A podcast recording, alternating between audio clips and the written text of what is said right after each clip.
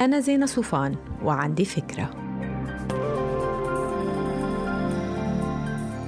هاي. كتير مرات بصادف نفس الموقف بيتكرر مع إنه الإطار العام بيكون مختلف تماماً. مرات بيصير هيدا الشي ضمن العيلة مرات بالشغل مرات بين الأصحاب.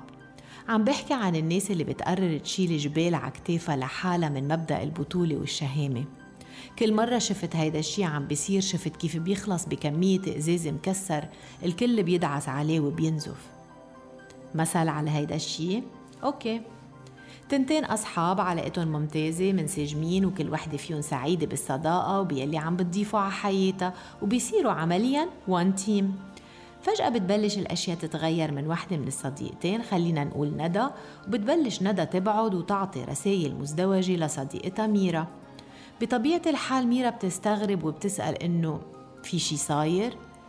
جوابات ندى دايما بتنفي بس بذات الوقت التغير بيستمر وبتبلش ميرا تتعب وتوجع بس هي متمسكة بندى لأنه مش كل يوم نحن بنفتح قلبنا وعقلنا لناس قراب ولما بنفتحهم صعب نسكرهم بسهولة بس مع الوقت ومع تكرار سيناريوهات التباعد بتبلش ميرا كمان تبعد وتحس بالخيبة وتحس بالانهزام لأنها عم تخسر صديقة بلا ما تعرف ليش عم تخسر. هون بترجع ندى بتقرب بس ما بتفسر. بحاولوا الصديقتين يلملموا صداقتهم بس في حلقة ضايعة. بيرتفع مستوى الحساسية وبالآخر بتتحول وحدة من محادثاتهم لمواجهة بتنقال فيها أشياء كتير مأزية من باب فش الخلق. وبالآخر بالآخر بتنهار ندى. وبتعترف إنها كانت عايشة أزمة رهيبة لأنه زوجها ما بده إياها تحكي مع ميرا لاعتبارات اجتماعية أو سياسية أو قصص خاصة بالشغل أو غيره. وإنه هي خبت هالشي حتى ما تضايق ميرا وإنها تعبت وإنه الأفضل ما بقى يحكوا مع بعض. تعرفوا أغرب شي بيصير؟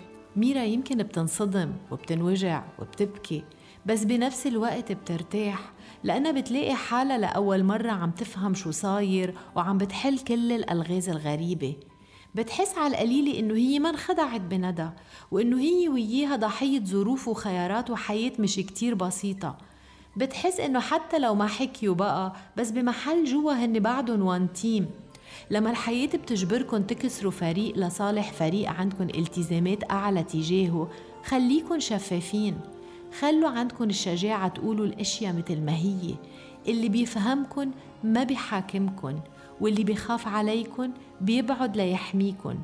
لما بيكون في لوح ازازي كبير تحت اجريكم فسروا لاخواتكم أو اصحابكم أو شركائكم ليش لازم الكل يمشي.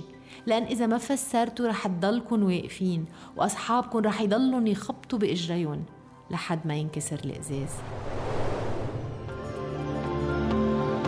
ما تنسوا تعملوا download للفكرة تعطوها rating وتساعدوني بنشرها.